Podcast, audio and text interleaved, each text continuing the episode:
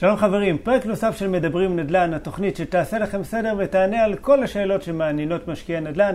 אני קובי זהבי, והיום אני מארח את יבגני גליקמן, מייסד אה, זמן לנדל"ן, אה, משקיע, יזם, אה, יש לו כל כך הרבה ידע לתרום לנו על הרבה עסקאות, אקזיט, ואנחנו הולכים באמת ככה לדבר על כל העולם הזה, להיכנס, להבין קצת את הראש, איך מגיעים לעסקאות האלה, מה עושים, אוקיי? אה, אבל קודם כל, תודה רבה שככה... בשמחה רבה.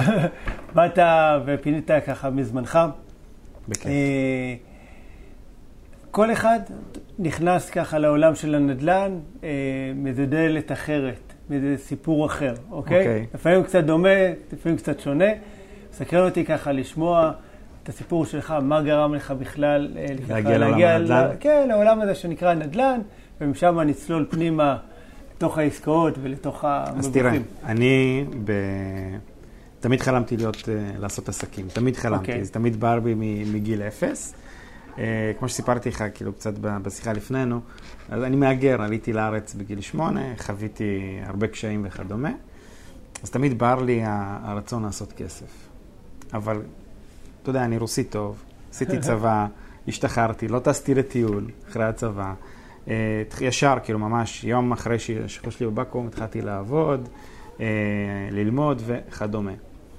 אה, בעבודה מהר מאוד התקדמתי, התקדמתי לניהול מכירות וכדומה, ובאיזשהו שלב, כשהייתי בן 24-5, אני יושב בעבודה, מסתכל ככה, אתה יודע, אני מסתכל על אנשים שאני מנהל, והאנשים שניהלתי זה היו אנשים הרבה יותר מבוגרים ממני, אנשים בגילאים של ההורים שלי. עם תואר ראשון, עם אה, קריירה מפוארת והכול, כן. ופתאום הם יושבים בטלמרקטינג, ואתה יודע, אני פישר קטן, סליחה, כאילו, על הביטוי, אומר להם מתי לצאת להפסקה, נותן להם בונוסים, לוקח להם בונוסים, אה, גוער בהם וכדומה. כן. ואז אה, אמרתי, כאילו, אוקיי, איך הם הגיעו בכלל למצב הזה? איך הם הגיעו למצב שהם בכלל נמצאים אה, בגיל כזה? בגיל כזה, פתאום, פתאום הם נמצאים בעבודת טלמרקטינג. ואז התחלתי כאילו לחקור את הנושא, להבין איפה אנחנו, כן, אה, איפה אנחנו נמצאים, למה הם פה. וכשדיברתי עם כל אחד ואחד מהם, הבנתי דבר אחד. לרובם הייתה את אותה רוטינה. מה אותה רוטינה? הייתה להם עבודה יפה, הכנסה מאוד יפה. הם הגיעו לאיזשהו מצב שבטעות או בלא משנה מה, נזרקו מהארגון שהם היו, והיה להם מאוד קשה לחזור. מאוד קשה לחזור. והמקומות היחידים שקיבלו אותם לעבודה זו חברות שמירה, או אה, מוקדי שירות או טלמרקטינג. כן. ואז נתקפתי בפחד אטומי.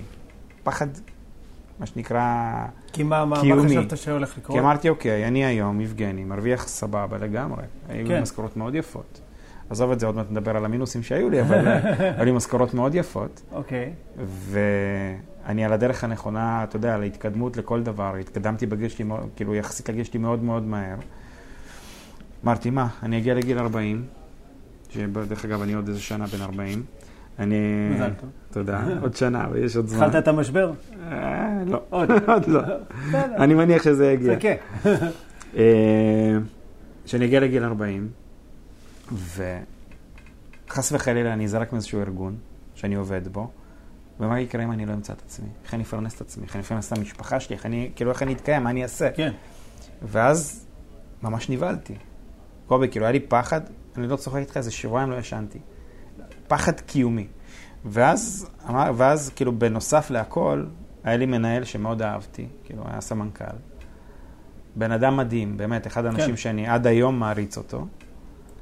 אה, בארגון שעבדנו התחלף המנכ"ל, העיף את הסמנכ"ל הזה, הביא את החבר שלו במקומו.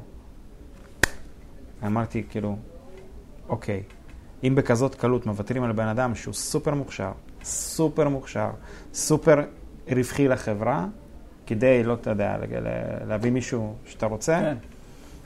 ממש, כאילו, התחלתי לפחד לחלוטין. ואז אמרתי, אוקיי, מה אני עושה? אני צריך לייצר לעצמי כסף, כסף, כסף. כאילו, אני צריך לייצר לעצמי משהו שבסופו של דבר יהיה לי איזשהו ביטחון.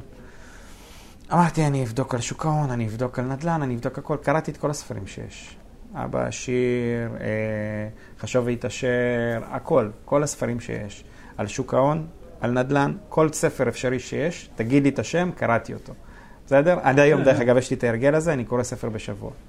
עד היום. מדהים, וואו. יש לי הרגל. כן.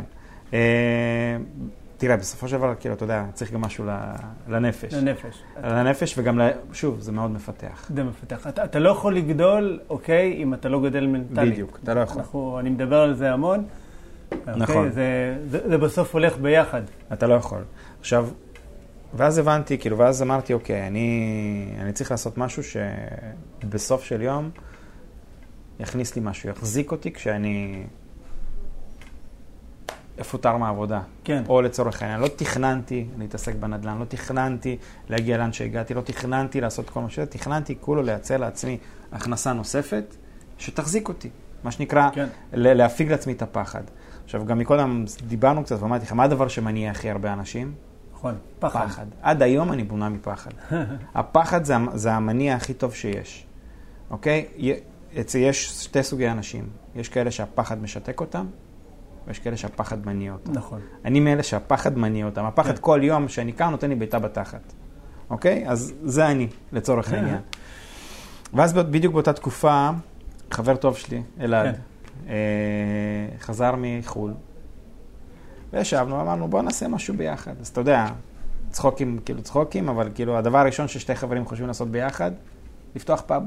אה, כן, רעיון. רעיון, אה, תמיד. גאוני זה מאוד. גאוני, תמיד, כן. כולם, כאילו, כי אתה יודע, אתה יוצא לבירה, אתה יוצא אצלי לזה. זה היה בית קפה, אבל... קפה, אה, זה אותו רעיון, כן, אותו דבר. כן, האפשרות להפסיד כסף שם. כן, כן, כן. ואז ישבנו ואמרנו בוא נפתח פאב, ואז אתה יודע, הבנו שלא, אין סיכוי שנפתח פאב, זה לא יקרה.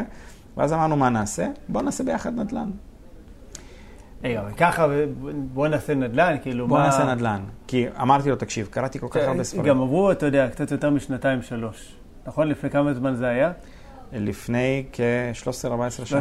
13-14 שנה. ככה פתאום, אוקיי? לא, בחור זה לא פתאום. בן 20 וקצת, החליט, בוא נלך לעשות תראה, נדל"ן. זה לא שהחלטתי, זה פשוט, א', פשוט, ראה, א', קראתי הרבה ספרים, אוקיי. נחשפתי לעולם הזה, נחשפתי לעולם, אוקיי? אל תשכח שאז לא היה פייסבוק, לא היה... לא היה יוטיוב, לא היה. יוטיוב, לא היה שום דבר. אז כאילו, המידע היחידי שהיה לי זה מהספרים. כן.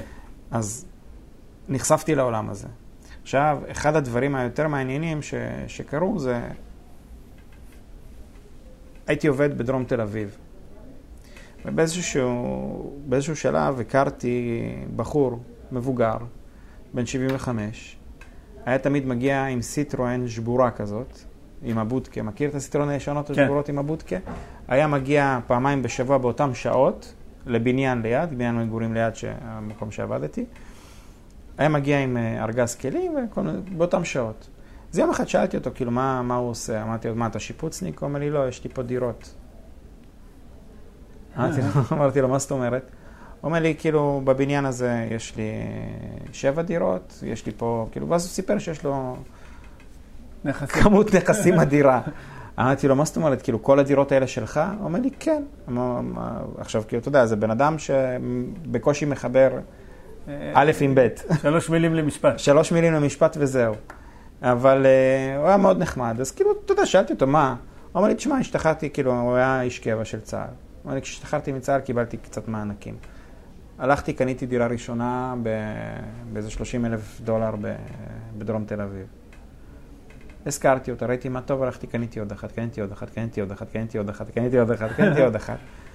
ואז כאילו, אתה יודע, הוא אומר לי, ואז אני כבר, אומר לי, תשמע, אני כבר קרוב לעוד מעט 30 שנה, שאני חי מהדירות האלה, הילדים שלי חיים מהדירות האלה, וואלה. אז אמרתי לו, אז כאילו, למה אתה כאילו עם הארגז כלים? הוא אומר לי, זה, זה הכיף שלי. אני אוהב להסתובב כן. ולתקן דירות. ואז אמרתי, להחליף סיפון. תקשיב, אני, אני, אני לא צוחק, הבן אדם מגיע לך עם סיטרואן שבורה, נראה כמו באמת אחרון ה... אני לא יודע מה, אוקיי? כן. אחרון ההומלסים, נקרא לזה ככה. יצא לי לפגוש כמה כאלה, וזה שזה מדהים. דרך מדהים, כן. הענווה שכאילו, ש, שיש לו זה, זה באמת מדהים. ואתה יודע, וכאילו, הוא עושה הכל לבד. את כל השיפוצים שלו הוא עושה לבד, את כל הדברים הוא עושה לבד, כי זה הכיף שלו. הוא אומר לי, תשמע, אני כאילו, אני כבר בן 75, זה מה שמחזיק אותי כל בוקר, אני קם, הולך לתקן. כיף לי. כן. אמרתי לו, אבל אתה לא, למה אתה לא לוקח מישהו? הוא אומר לי, למה? כיף לי, אני? יודע. הוא נהנה, מה, אתה הורס לו. את התחביב. ואז, אתה יודע, כש... ואז אמרתי, אוקיי, אני רוצה, ככה אני רוצה. אני רוצה כן. שיהיה לי כאילו כל כך הרבה נכסים, שאני אוכל לזה, כאילו, אתה יודע, הוא מחזיק את עצמו, את, הילדים שלו, כן. ויש לו המון. נכסים, גאוני. אז אלעד ואני דיברנו על זה, ואמרנו, יאללה, בוא, בוא ניכנס לעולם הזה. בוא, בוא ניכנס לעולם הזה, בוא נלך לעולם הזה, ובוא בוא נעשה. long story short, כאילו, כן. אני, אני מקצר לך כאילו הרבה מהתהליך, כי יש לנו הרבה על מה לדבר, אז כדי שאתה יודע, אנשים לא ישתממו. לא, לא, לא משתעממים כל כך מהר אצלנו. כן? כן. סגור. יש פקקים, אנחנו חיים בישראל, אתה יודע מה יש, זה? אה, נכון, כן. נכון, אתה אה. צודק, יש פקקים. אבל עכשיו בעידן הקורונה אין יותר מדי פקקים. קצת ירד. קצת ירד. קצת ירד. אה, אז אה, long story short, כאילו, אלעד ואני מהר מאוד אה, הגענו לעסקה הראשונה שלנו. אני עושה לך fast forward. מעולה. הגענו לעסקה הראשונה שלנו. עסקה הייתה ב... איפה? באר איפה שבע. באר שבע. באר שבע. עסקה ראשונה שלנו. איך הגענו לדירה? הלכנו לראות איזושהי דירה עם מתווך. לא משנה מה, הדירה עם המתווך, שאלנו אותו אם יש תזוזה במחיר, אומר לי, לא, זה המחיר, ירד הכל, ירדנו למטה, האוטו שלי חנה אל מול הבניין, כן. אוקיי? אל מול הבניין. ואז אלעד אה, היה בטלפון, ואני כאילו התיישבתי באוטו, ואני מניע את האוטו, ואני מרים את הראש. ואני קולט, יונה נכנסת, יונה. יוצאת. יונה נכנסת, יונה יוצאת. ישר, חיביתי את האוטו, אה, אני צועק. מחזה שמימי כזה, שאתה רואה את זה. זה, אתה יודע, כשאתה רואה את זה, זה התרגשות. נכון. זה התרגשות. במיוחד בפעמים הראשונות. תקשיב, עד היום אני מתרגש מזה, שתדע. עד היום, עד היום שאני רואה יונה, אה, נגיד אני נוסע איפשהו ואני רואה יונה, אני רוצה, אני נכנסת, אני חייב לעצור ולעלות למעלה לרשום את הדירה. חייב. נכון. אבל לצורך העניין, אז uh, אני צועק, אלעד, טירה נטושה. אלעד, לא יודע אם הוא, כאילו, ניתק את הטלפון, רץ, אנחנו רצים למעלה, קומה אחרונה, אנחנו במדרגות לפני הקומה האחרונה, אתה כבר מריח את הריח של הכסף. איך הריח של הכסף מריח? יש לו הרבה חרא של יונים. חרא של יונים, זה ריח של כסף. נכון. אנחנו עולים, תקשיב, קודם כל, כל הקומה למעלה, חרא של יונים. הדלת, כאילו, שלא נדבר עליה, מכוסה אבק מכל כיוון. הכל, ממש הכל. ואז, אה, אתה יודע, רשמנו את כל הפרטים, פתחנו, אין מונה חשמל, אין כלום, הכל יופי. ירד, עכשיו, וזה טיפ, תרשמו כן. את הטיפ. תרשמו, זה- תרשמו. זה מאוד חשוב. בדרך כלל, בדרך כלל, אה, אם יש דירה נטושה, שוב, זה לא תמיד, אבל אה, סיכוי לא קטן, השכן מלמטה יודע למי שייך את הדירה. ותמיד יש לו את הטלפון של בעל הדירה. למה? למה? כי השכן מלמטה, מתחת לדירה הנטושה, סובל הכי הרבה מהיונים. סובל הכי הרבה. וזה גילינו בכמה וכמה דירות נטושות. אז אנחנו כאילו בהתחלה דפקנו על השכן ממול, לא יודע על מה מדובר, כן. הלכנו, כאילו דפקנו כמה והשכן למטה יצא בקללות על הבן אדם, נתנו את הטלפון והכל. רק תיקחו את הצרה הזאת. רק תיקחו את הצרה הזאת מפה. אני אשלם לכם על הדירה, אני, רק תקנו אותה. בדיוק. עכשיו, כאילו, כשיצאנו החוצה והסתכלנו, באמת סבל. כן. כל המסתור כביסה שלו היה מכוסה בניילונים, בגלל שכל היונים, אתה יודע, מחרבנות לו שם על, כן. ה, על, ה, על הבגדים ועל הכל, באמת סבל. ואז נתן לנו את הטלפון של הבן אדם. ואז אנחנו, אתה יודע, יש לך את הפרטים של הבן אדם שהוא בעל דירה. אתה יושב באוטו ואתה אומר לעצמך, טוב, מה עושים, מה עושים, מה עושים, מה עושים, מה עושים, מה עושים, מה עושים, מה עושים. יצאנו מבאר שבע, היינו בדרך למרכז, ואז אה, אה, אני אומר לאלעד, יאללה, בואו, מתקשרים אליו. מתקשרים אליו, התקשרנו אליו. אמרנו, אהלן, קיבלנו טלפון מהשכן, כאילו זה, יש לך דירה? אתה אומר לי, כן, יש לי דירה, היא כבר סגורה איזה כמה שנים. אה, אמרנו, אוקיי, כאילו, אתה מוכר? אומר לי, לא, אני לא מוכר. טאדאם. שקט, שקט, אתה יודע, אתה יודע. פיצצו לך את הבלון. כן, לא, כאילו, למה אתה לא מוכר? הוא אומר לי, לא, לא, לא מוכר נכסים. או, יש לך דירה נטושה, אתה לא עשית כלום, למה אתה לא מוכר? בוא, כן. תמכור, מה אכפת לך? לא, לא מוכר נכסים. למה? למה הוא לא מוכר? לא יודע. הוא אומר לי, נכסים לא מוכרים. זה, אתה יודע, תמיד משהו שמאוד אה, מסקרן אותי.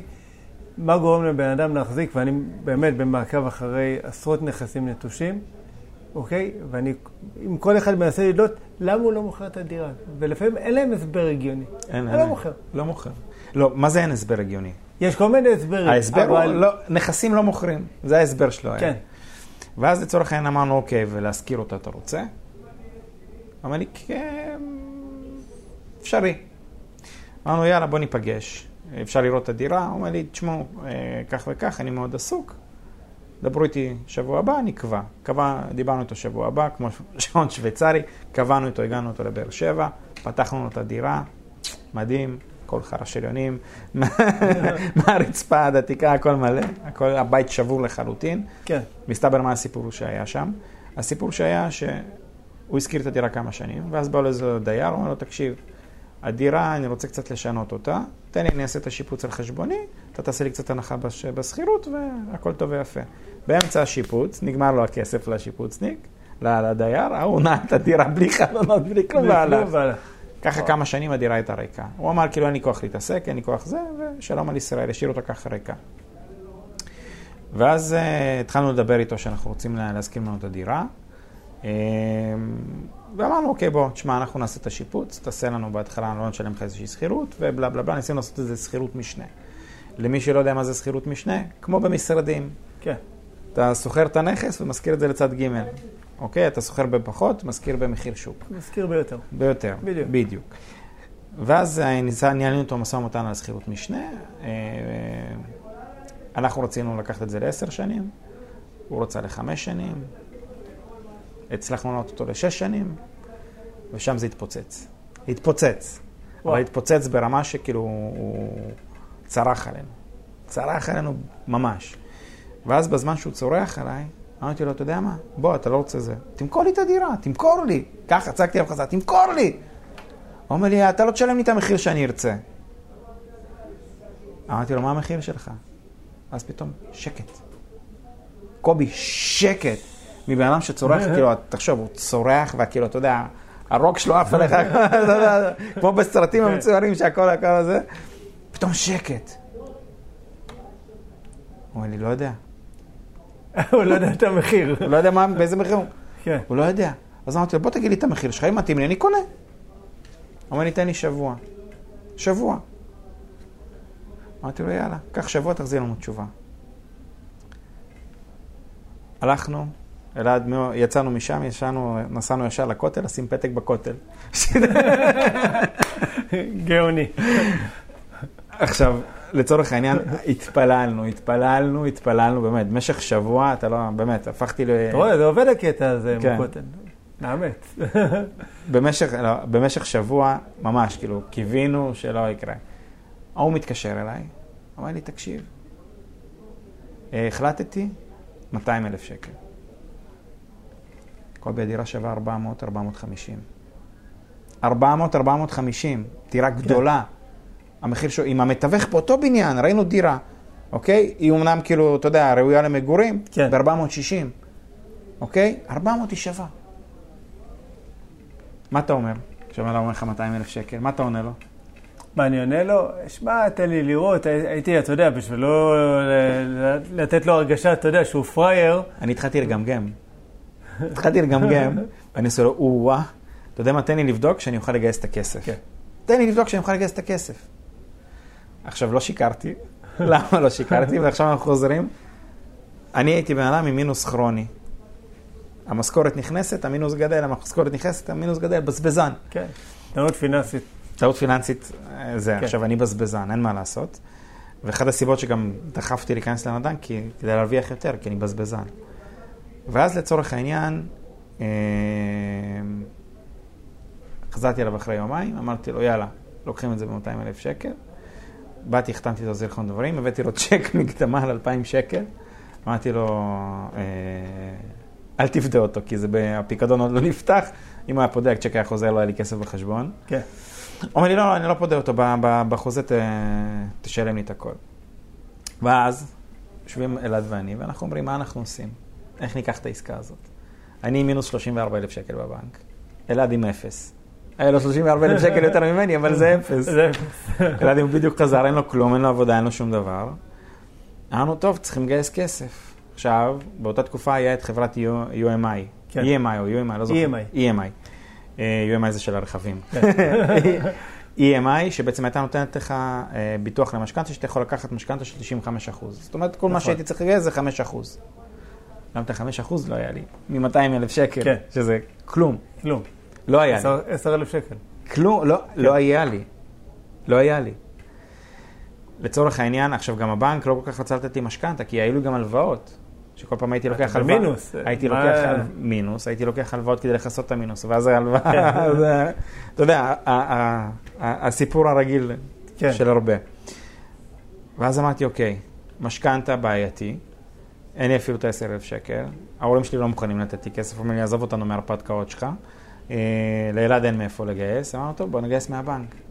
תקשיב טוב, אני כמו, כמו שאני, אני נכנס לסניף בנק שבו אני מנהל את החשבון מגיל 16, אני הולך, יושב שם כאילו עם איזושהי פקידה, מספר לה שאני רוצה לקנות דירה, היא אומרת לי, לא, כאילו, תהיה לך משכנתאות. אמרתי, לא, דיברתי עם משכנתאות, הם לא נותנים לי. לא, אמרתי, אני רוצה לקחת הלוואה רגילה. אז כאילו, היא קראה למנהלת שלה, ישבתי עם המנהלת שלה, דיברנו. עד היום לא קיבלתי ממנה תשובה. עברו כבר איזה ארבע... 14 שנה. עד היום לא קיבלתי ממנה תשובה. זה אחד. ואז לא אמרתי... יפה מצידה. לא, בוא, אם הייתי יושב מולה, נגיד אם הייתי במקומה ואני הייתי יושב מולה, גם אני לא הייתי נותן כן, לעצמי. תכלס. לא הייתי נותן. בקיצור, מפה לשם, התחלתי, כאילו, התחילה המסכת שלי לרוץ ולהשיג מימון. אמרתי, אולי אני אשיג משקיע, אולי מישהו, משהו. עברתי עשרות סניפים של בנקים. לא צוחק איתך, עשרות, כן. כולם סירבו לי. כולם סירבו לי. עשרות, קובי, כאילו, באמת. הייתי... שזה- מסר מאוד מאוד חשוב, כי אתה יודע, לפעמים בנק אחד אה, יגיד לך לא, אוקיי? ותלך אפילו לסניף אחר של אותו בנק, בנק יגיד לך כן. לך כן. בדיוק. בדיוק. זה, זה, זה פשוט כימיה. זה אה, אנשים, או- אנשים, כן. חבר'ה, תזכרו זה אנשים. ואז מה קורה? כאילו, ב... ב... אני החתמתי על זיכרון דברים שתוך 45 יום אני צריך לקנות את הדירה. ואני כבר מתקרב, מתקרב, מתקרב. אני זוכר שכאילו, נסענו לאיזשהו סניף בבאר שבע, אלעד ואני, ואני אומר לאלעד, תקשיב, אני נכנס לפה, לבנק, או שאני יוצא עם כסף, או שאני יוצא בניידת. אין דרך אחרת. תחשוב, כאילו, הייתי כבר נואש. כן. הנואשות הזאת כאילו באמת די, אה, אה, די הרגה אותי. אני מגיע, הגעתי, אבל לפעמים זה גם מה שמביא אותנו, אתה יודע, ל... בסופו של דבר, אתה יודע, להיות במיטבנו. אתה מכיר את התמונה הזאת של הזה שקורא את היהלומים, ואז כן. כאילו עוצר ממש מילימטר מזה? נכון. אז יפה, מי שמצליח בסופו של דבר לעבור את הייאוש, זוכה בתהילה. תזכור את זה תמיד. וזה המקרה הזה לימד אותי. הגעתי לסניף, הסניף נפתח בשמונה וחצי, אני בשמונה עשרים כבר מחכה מחוץ לשער עם כל הזקנים. כל הזקנים שם, אתה יודע, של הביטוח לאומי שמחכים. אני מחכה איתם. ואז כאילו השומר פותח את הדלת, אני שואל, תגיד לי, איפה יושב מנהל הסניף? הוא אומר לי, קומה שנייה. תוך שנייה אני רץ לשומר, אני קולט שהמזכירה שלו מתעסקת עם התיק שלה, חמקתי לתוך המשרד שלו, אני קולט אותו בטלפון, אמרתי לו, יש לך שתי דקות? הוא אומר לי, שב שנייה, אני אסיים את הטלפון והכל. סיים את השיחה, הוא אומר לי, כן, מי אתה? מה אתה רוצה? אמרתי לו, תשמע, יש לי עסקת נדל"ן, אני רוצה כסף. הוצאתי לו את הפרטים על העסקה, סיפרתי לו מה יש לי והכל, אמר לי, תשמע, בוא, אני אראה אותך עכשיו כאילו קומה ראשונה, מחק למשכנתאות. משכנתאות, תיקח משכנתה, אני לא, אנחנו לא מתעסקים בזה. אמרתי לו, תקשיב, יש לי דירה ששווה 400, אני קונה אותה ב-200. אני צריך ממך 50% מערך הנכס. ערך הנכס הוא 400, אני צריך ממך 200. אמרתי לו, גם במקרה לצורך העניין, עכשיו אני לא מחזיר לך את הכסף, לא מחזיר לך את הכסף. הבנק עושה אקזיט. אתה צריך, אמרתי, בוא, אתה, אתה, תצ... אתה תגיד לי תודה שאני לא אחזיר לך את הכסף. הבנק יעשה אקזיט וגם אני אחייב לך כל החיים. אמר לי, כן, אבל אנחנו לא נותנים יותר מ-50% על נכס. אמרתי, אתה נותן לי 50% מערך הנכס. הוא אומר לי, בוא, נו, יש לך, אתה קונה אותו ב-200. אמרתי לו, תקשיב, אתה מכיר את המחירים פה בבאר שבע? הוא אומר לי, כן. אתה מבין שהנכס פה, שהדירה הזאת שאתה קונה אותה, שאני קונה אותה, היא 50% מתחת למחיר שוק? אתה מבין את זה? הוא אומר לי, כן, אני יודע. אמרתי לו, אז מה הסיכון שלך?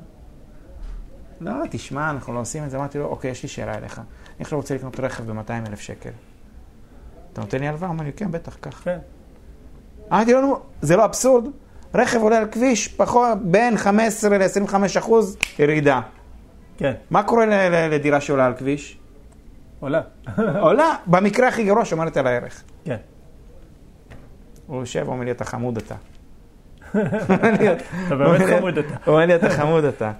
הוא אומר לי, אתה יודע מה?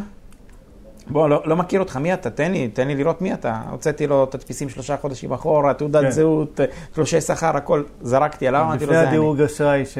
עוד, כן. כן. זרקתי עליו הכל. שיראה מי אני, מה אני, הכל, ממש. ואז הוא אומר לי, אתה יודע מה, אני מחזיר לך תשובה היום. עכשיו, כל כך לא האמנתי שהוא יחזיר לי תשובה, כי תמיד נפנפו אותי בתשובה הזאת של אני אחזיר לך תשובה כן. היום, אז uh, אמרתי לו, מה הטלפון הנייד שלך? ההוא מרוב לחץ, שכאילו לחצתי, לחצתי, הוא רשם לי את הטלפון הנייד והביא לי. רק תצא לו רק את זה, מהמשרד. בדיוק. בקיצור, אמר לי, אני, אני מבטיח לך תשובה היום. סבבה. יצאתי, יצאתי מהבנק, לא בניידת. נסעתי חזרה למרכז, חזר, כאילו הגעתי לעבודה, ואני כל חמש דקות טלפון לאלעד, מה אתה אומר לי, תן או לא ייתן, מה אתה אומר ייתן או לא ייתן, כמו, באמת, כמו ילד בטיפש עשרה. כן. אבל כשמגיעים לעסקה כזאת, אתה... אין, זה כאילו, זה, זה, זה מטריף את, את הדעת, כאילו, אתה, אתה. לא יכול, אתה... עכשיו, זה היה... לא מעניין אותך, אתה, אתה חייב לסגור אותה. אתה חייב לסגור. עכשיו, תבין, זה היה יום שני. יום שני הבנקים עובדים גם באחר הצהריים. בקיצור, עד, עד אחת, וכאילו מ-4 עד 6. בקיצור, הוא לא חזר אליי עד אחת, אמרתי, בטח יחזור אליי מ-4 עד 6. מגיע השעה רבע לארבע, אני מתקשר אליו, אני אומר לו, תגיד לי, אני אתקשר אליו בארבע, הילד אומר לי, לא, תחכה, הוא יחזור אליך. תן לו צ'אנס. תן לו צ'אנס. סבבה, מגיע השעה רבע לחמש, אני אומר, אלעד, בא, נשאר עוד שעה ל- ל- ל- שהבנק פתוח. אלעד אומר לי, טוב, תתקשר אליו. אני מתקשר אליו, הוא עונה לי, ילד, הבטחתי לך תשובה היום, אתה תקבל תשובה היום. וניתק. אמרתי, סבבה, ואז אתה יודע, חמש, אתה, ואז אתה יושב עם השעון ככה, חמש ורבע, חמש ועשרים, חמש וחצי, רבע לזה, שש, לא התקשר. התחלתי לבכות, אני מתקשר לאלעד, אני אומר, עבד עליי, הבנק כבר סגור, הוא כבר לא החזיר לי תשובה, טה-טה-טה. שמונה בערב הוא מתקשר אליי. שמונה בערב, אני עדיין בעבודה, הוא מתקשר אליי, הוא אומר לי, קיבלת. קיבלת. אני חושב שבחיים שלי לא צרחתי ככה. איך אתה מרגיש באותו רגע? אתה, אי אפשר לתאר את ההרגשה. הנה, עכשיו יש לי אור ברווז, כאילו, מההרגשה הזאת. אני זו, אה, כאילו, ההרגשה. היא, היא, היא, היא נצרבה אצלי בגוף לכל החיים. זה כאילו, עכשיו הודיעו לך שזכית בלוטו. עכשיו, עכשיו, התקשרו אליך, הראלה מתקשרה אליך, אמרה לך, תקשיב, קובי, זכית ב-30 מיליון שקל. טאדאם. תקשיב, כאילו, כן. באמת, יצא, מה שנקרא, יצאתי מגדרי, התחלתי לצרוח מאושר, הכל. לקחנו את העסקה הזאת, שתבין, קיבלתי את הכסף מהבנק עוד לפני ש- שאיבדתי את הנכס. לפני כן, שאיבדתי כי את זה הנכס. הלוואה מסחרית. הלוואה מסחרית. עוד לפני שאיבדתי את הנכס, וגם קיבלתי לא 100% מימון, קיבלתי גם 110 אפילו קצת יותר, כי הייתי צריך כסף לעורך דין, לא היה לי, והייתי צריך כסף להחזיר את הריבית, שלא היה לי. כן. אוקיי? אז uh, קיבלתי קצת יותר, וקיבלתי את הדירה. קיבלתי את הדירה, נכנסנו לדירה, אמרנו, אוקיי, מה אנחנו עושים? או שאנחנו משפצים, או שאנחנו מוכרים. סבבה. כן. אמרנו, אנחנו מוכרים? יאללה, יופי. הלכתי, היה מתווך אחד שהכרתי, אני עוד אספר לכם על הטעות שהייתה לי עם מתווכים, למה כאילו בהתחלה, בהתחלה שלי כמעט ולא עבדתי עם מתווכים. באתי למתווך הזה, אמרתי לו, תקשיב, יש לי פה עסקה, אני מוכר אותה מתחת למחיר שוק. הוצאתי אותה במחיר יותר נמוך מ-400. יש לך שלושה ימים להביא לי קונה. תביא לי קונה, מכרתי. לא תביא לי קונה, נכנסתי לשיפוץ. התקשר אליי אחרי יומיים, אומר לי, בוא, יש קונה. מגיע אליי קונה, בא, כאילו, הבאתי מחיר ממש טוב. הוא מנסה לנהל איתי משא ומתן, אמרתי לו, חביבי, take it or leave it. זו הקלה. זו הקלה, take it or leave it. אתה לא רוצה? אל תיקח. אתה רוצה? תיקח. ההוא חושב, חושב, יאללה, לחץ לי יד, לחצנו, קנה ממני את הדירה. שתבין, הדירה עוד לא על שמי, יש לי רק הערת אזהרה. אין לי... עוד לא משכנתי אותה והייתי צריך כבר למשכן, כבר קיבלתי טפסים. ואז מתקשר אליי, כאילו, הפקידה של, ה... של הבנק, אומרת לי, תקשיב, יבגני, אתה כבר צריך להביא שמאות, אתה כבר צריך למשכן את הנכס. אמרתי לה, אני בדרך אליכם, אני בא, נכנס למנהל סניף, אני מראה לו זיכרון דברים, כאילו, למכירה. הוא אומר לי, אתה לא נורמלי. אמרתי לו, מה לא נורמלי? הוא אומר לי, איך עשית את זה כל כך מהר? אמרתי לו, אמרתי לך שיש לי עסקה טובה. ואז הוא אומר לי, וואלה, כל הכבוד, יפה. ואז הוא אומר לי, טוב, עזוב, אל תשעבד לי כבר את הנכס, כאילו, תמכור אותו ותחזיר את הכסף. אל תיתן לנו לעבוד סתם. אתה אומר לי, אל תיתן לעבוד אתה סתם, עולה כן, לנו הרבה כן, כסף כן. לבנק. אוקיי. בקיצור, וככה עשינו את העסקה הראשונה שלנו. עכשיו, אתה יודע מה קורה כשאתה עושה עסקה ראשונה? החזה מתנפח, אתה אלוף עולם, זהו. אתה עכשיו טייקון נדל"ן. בטח. טייקון. אתה ותשובה יושבים ביחד. מה זה, ב- מה זה, ב- מה- מי זה הוא תשובה? אליך, הוא מתקשר יבגני, תביא עסקה. ואז התח- אלעד ואני התחלנו להתפזר, התחלנו להתפזר לכל מיני כיוונים, תמה, שממה, אה, אלף ואחת דברים.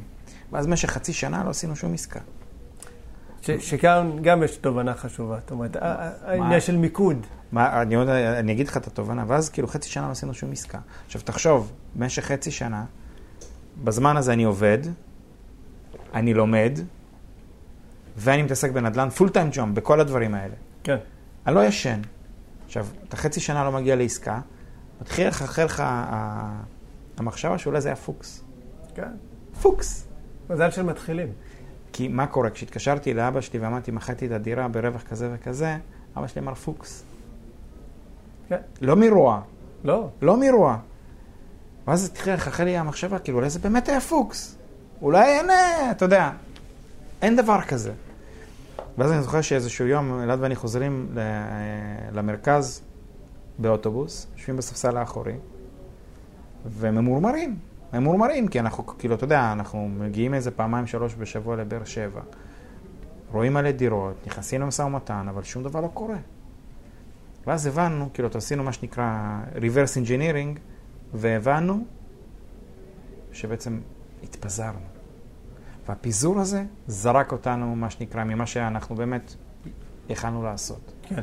אמרנו, תקשיב, עשינו עסקה, זה מה שהבנו שאנחנו יודעים, את כל שאר הדברים אנחנו זורקים, מתמקדים בזה. הפלא ופלא, תוך שבועיים אחרי שהחלטנו את זה, נכנסנו לעסקה. שבועיים אחר כך לעוד עסקה. לעוד עסקה ולעוד עסקה ולעוד עסקה. המיקוד, בסופו של דבר, זה אחד הדברים החשובים. נכון. להתמקד. מיקוד, מיקוד, לא, מיקוד, מיקוד, מיקוד, לא להתפזר. ואז בעצם ככה, כאילו, התפתחנו והתחלנו לעשות עסקאות. זה, זה, באמת טעות הרבה של משקיעים, לא יודע אם אה, בתחילת הדרך, הם מחפשים, לפעמים, אתה יודע, עסקת אקזיט, אבל הם, הם מאוד מתפזרים במיליון דברים שהם מחפשים. מסביב, בדיוק. אוקיי? מסביב. כי אתה מחפש משהו, נכון. חפש אותו. בלי רעשי רקע, לא מעניין אותך עכשיו כל מיני הצעות מפתות שמציעים לך, ובו יש קרקע כזאתי וזה, ומשרד. בדיוק. אוקיי? כי זה לא נגמר. א', זה לא נגמר, ותמיד יש הצעות, וברגע כן. שאתה, אנשים שומעים שאתה מתעסק בנדל"ן, אתה מקבל על הצעות כל יום, במשך 80 פעמים ביום, אתה מקבל הצעות. אתה צריך לדעת לסנן את הדברים האלה ולהתמקד במה שאתה יודע. להתמקד כן. במה שאתה יודע, לפתח את זה. אחרי שכאילו תגיע למה, ל- ל- ליעדים שלך, או לאן שרצית להגיע, תתפתח לעוד תחומים. כן. זה בסדר גמור. נכון. עכשיו, משם, אתה יודע, התחלנו לעשות עסקאות אקזיט, והתחלנו לעלות volume. כן. הבנו שזה, וואלה, יש פה, יש פה משהו, כאילו, יש פה, אפשר אה, להרוויח מזה יפה. נכנס כסף. נכנס כסף. עכשיו, אחד הדברים... סגרת את המינוס. לא משכתי כסף בהתחלה בכלל. כל כסף שנכנס, נכנס לעסקאות אחרות. לא משכתי. גם כשהתחלתי להתעסק, גם אחרי העסקה הראשונה, לקח לי בעצם ארבע שנים בערך עד שעזבתי את העבודה. ארבע כן. שנים, אוקיי? החלטתי כאילו שאני לא... אני רוצה שא', העסק הזה של הנדל"ן יתפתח. עכשיו, דרך אגב, לא תכננתי שזה יהיה עסק. אמרתי, בוא נעשה, כאילו, זה, זה הכל בא על הדרך. כן. לא תכננתי לעשות אקזיטים, לא תכננתי להקים בית ספר לנדל"ן, לא תכננתי, זה הכל בא כשלב אחד אחרי השני, פשוט מה שנקרא התפתחות טבעית שהייתה. כן. אה, ואני חייב לציין שזה, א', זה תחום מאוד כיפי, זה תחום מדהים, הוא מלמד המון, נכון. המון, זה תחום שנותן לך המון, אה, לצורך העניין, כלים בכלל לעולם העסקים ובכלל החיים, כי אתה פוגש המון אנשים, אתה לומד משא ומתן בצורה הכי טובה, בשטח. כן. מה שנקרא, זורקים אותך לרחוב, אתה לומד משא ומתן בשטח. אתה לומד להתמודד עם סיטואציות מטורפות, אתה לומד להגיע לעסקאות, אתה לומד סיטואציות של לחץ, של קבלת לחץ, החלטות מהירה. קבלת החלטת מהירה, זה אחד הדברים החשובים בנדל"ן. כן. כשאתה, לצורך העניין, כשאתה חוקר שוק, ועכשיו אתה מגיע לעסקה טובה, עסקה טובה נשארת בשוק פחות מ-24 שעות. אם לצורך העניין לא הצלחת עכשיו, לא, לא קיבלת את ההחלטה, העסקה לא שלך. איך אני, אני אגיד לך, אם אתה מתחיל לגמגם, למת- אם זה הגיע דרך מתווך, אתה מתחיל לגמגם לו, אתה יודע, בטלפון, תן לי רגע, אני אחזור אליך עוד מעט. זהו. בגמגום הזה, העסקה אתה כבר לא תתפוס של- אותו בממתינה. בדיוק, אוקיי? הוא מתקשר למישהו אחר, וזה אחד, וזה אחד הדברים שצריך אה, להבין. קבלת החלטות מאוד מהירה. כן. את, הרי אתם, מי, שמת, מי שמתעסק בנדל"ן, א', חייב להכיר את האזור שהוא מתעסק בו, מאלף ועד תו, הכל. נכון. דבר זה ש... חלק מהמיקוד. שזה. החלק מהמיקוד. כן. דבר שני, אם יש עסקה, הוא צריך לדעת ממש בשנייה אחת בכמה הוא קונה אותה, ואיך הוא קונה אותה, ומה הוא עושה איתה. כן, נקודה. אחרת העסקה מתפספסת. כן, נכון מאוד. אז יש לנו את ה- את המיקוד, מיקוד, מיקוד, מיקוד, מיקוד, נכון? מיקוד. שזה מאוד קריטי, זאת אומרת, גם לקחת עיר אחת, שכונה אחת, שכונה אחת, אוקיי, בדיוק. את כמה רחובות שם, שוב, אפשר כמה רחובות, אפשר שכונה שלמה, כאילו אם, זה, אם, אם השכונה, מת, מה שנקרא, מתנהגת באותו אופי, כן. זו אותה אוכלוסייה, אותו רמה סוציו-אקונומית פלוס מינוס, אה, והבנייה שם היא יחסית דומה אחת לשנייה, אפשר ללכת על שכונה שלמה. אבל כן. אבל זה גם משהו שמתהווה, זאת אומרת, בהתחלה. לעכל אה, שכונה שלמה של, נכון. לא יודע מה, שמונה רחובות, זה קשה, נהיה לך בלאגן בראש. תראו, טיפ קטן וחשוב, אם אתם רוצים להשקיע בנדל"ן, כמה דברים לפני שאתם בוחרים בכלל שוק. כן, דבר ראשון, אזור שאתם רוצים לבחור בו, תבחרו, תבדקו שבשנה האחרונה נמכרו שם 20 דירות. כן, שהיו שם עסקאות. שהיו שם עסקאות. דבר נוסף, תבדקו שעכשיו מפורסמות שם לפחות 20 דירות למכירה מפרטיים, לא ממתווכים. כן, למה אנחנו רוצים את זה? כדי להבין שיש שם שוק חי, כדי להבין שבעצם ה- ה- בסופו של דבר נוכל לעשות שם עסקאות. כי אם אתם מגיעים עכשיו לשוק שמבצעת שם עסקה פעם בשנה, נכון. בואו. אני שיתפתי אותך מקודם, השוק הראשון שלנו היה בדיוק כזה. היו שם שתי עסקאות בשנה. זה זהו, אתה, זהו. אתה יכול, כאילו- סליחה על הביטוי, אתה יכול למות עד שתגיע לעסקה. תכלס. לא אוקיי? קורה כלום. אתה, לא קורה אוקיי, כלום. סבבה, אתה מגיע, אבל כלום לא, לא, לא נמכר. בדיוק. לכן, מאוד חשוב לבדוק את הדברים האלה. מאוד חשוב לראות שהשוק חי, חי, שיש, כן. שיש עסקאות. אה, ומאוד חשוב לעבוד לפי שלבים מסודרים, לחקור את השוק, להבין, בכלל, הרי בסופו של דבר נדל"ן זה, זה כמו שיווק, דיברנו על זה נכון. גם קודם. למה נדל"ן זה כמו שיווק? כי אם אני עכשיו הולך למכור לצורך העניין את העכבר הזה, כן. אני צריך לדעת למי אני מוכר אותו, באיזה מחיר בן אדם מוכן, באיזה מחיר בן נכון. אדם מוכן לקנות אותו, מה הצורך שהבן אדם שהולך... או שהוא עכשיו אה, בדיוק, במשרד. אה, או במשרד, מה הצורך שהעכבר הזה ישמש אותו. אותו דבר כן. בנדל"ן, אנחנו צריכים להבין את הדברים האלה. בסופו של דבר, אני רוצה שתבינו, נדל"ן זה כמו כל מוצר צריכה אחר, רק קצת יקר יותר. כן. עכשיו, ברגע שאנחנו נבין שאין משמעות לכסף, זה לא משנה אם המוצר הצריכה הוא, הוא 100 שקל או 700 אלף שקל, כן. בסופו של דבר אין משמעות, ההתנהגות היא זהה. כמו שאנחנו נלך לחנות ואנחנו נתמקח על טלוויזיה שעולה 7,000 שקל, ואנחנו נוריד את המוכר ב-2,000 שקל, שזה כמעט 20 אחוז, או 15 אחוז, 20 אחוז, whatever, 2,000 או 3,000 שקל, אנחנו לצורך העניין, על דירה אנחנו לא נעשה את זה, למה לא? כדאי. זה- ואף כדאי. רצוי. ואף רצוי. אז אנחנו חייבים להבין את הדברים האלה, אנחנו חייבים לעשות את הדברים האלה, ולצורך העניין, להבין למי אנחנו הולכים למכור את הדירה כן. שלנו. אם אני, עכשיו, אם אני עכשיו, לצורך העניין, קונה דירה, ואני רוצה להשכיר אותה, אוקיי? לא כן. למכור, בסדר? להשכיר. אני צריך לדעת למי אני הולך להשכיר. קובי, אני הרי, אני לא יכול לקנות עכשיו דירה, ואת זה אני רואה הרבה פעמים. אני רואה הרבה אנשים ש... סליחה על הביטוי, לא מבינים בנדל"ן בכלל, קוראים כתבות, לא קוראים כתבות, לא משנה מה, הולכים, קונים דירה להשקעה. אין להם שבב של מושג למי הם הולכים להשכיר, כן. מה הסוחר שלכם, שלהם בכלל רוצה, כמה הוא מוכן לשלם להם, שום דבר, הם לא, הם לא מבינים נכון. בכלל. עכשיו, אתה יודע, אני, אני אספר לך איזושהי דוגמה ש, של עסקה שעשיתי, שמראה בדיוק את הדבר הזה. מתקשר אליי יום אחד מתווך, אומר לי, תקשיב, יש לי בשבילך עסקה, מה שאתה אוהב, כן. כמו שאתה אוהב. אמרתי לו, מה הכוונה? הוא אומר לי, הבן אדם שרף את עצמו מכל דרך אפשרית, בכל דרך אפשרית. מה הוא עשה? בן אדם קנה דירה, שיפץ אותה, ראיית אותה והוציא אותה להשכרה. להשקעה בבאר שבע, כן. שכונה ד'. עד כאן הגיוני. הגיוני. הבעיה, שיפוץ הוא עשה, אלוהים ישמור, אתה נכנס לדירה, כל הדירה חשוכה, רוב הקירות שהוא בנה, קירות גבס, וסטודנטים שונאים קירות גבס, כן. שונאים קירות גבס.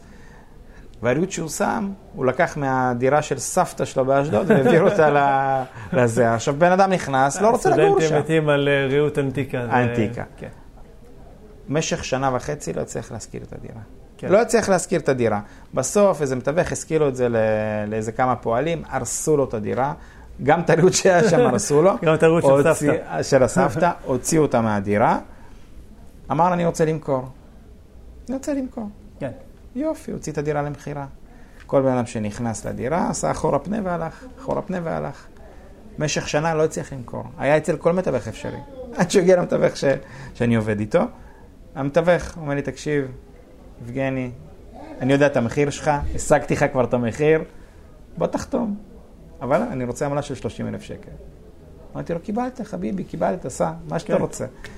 הלכתי, לקחתי את הדירה, אני הלכתי, כאילו, הוא שלח לי סרטון של הדירה, אה, הסתכלתי עליו, פצצה, הלכתי לראות את הדירה, ראיתי, הבנתי בדיוק בדיוק מה אני צריך לעשות, את כל הדברים, שברתי את הקירות שהוא הוא בנה, החלפתי את המטבח, כי הוא עשה מטבח בגודל כזה, ואני לא צוחק איתכם, בגודל כזה. מה זה, כוס? כוס. לא, הוא עשה, הוא עשה מטבח ממש, כאילו אם אתה רואה את השולחן שלי, השולחן שלי יותר גדול מה. מה, מהמטבח שם.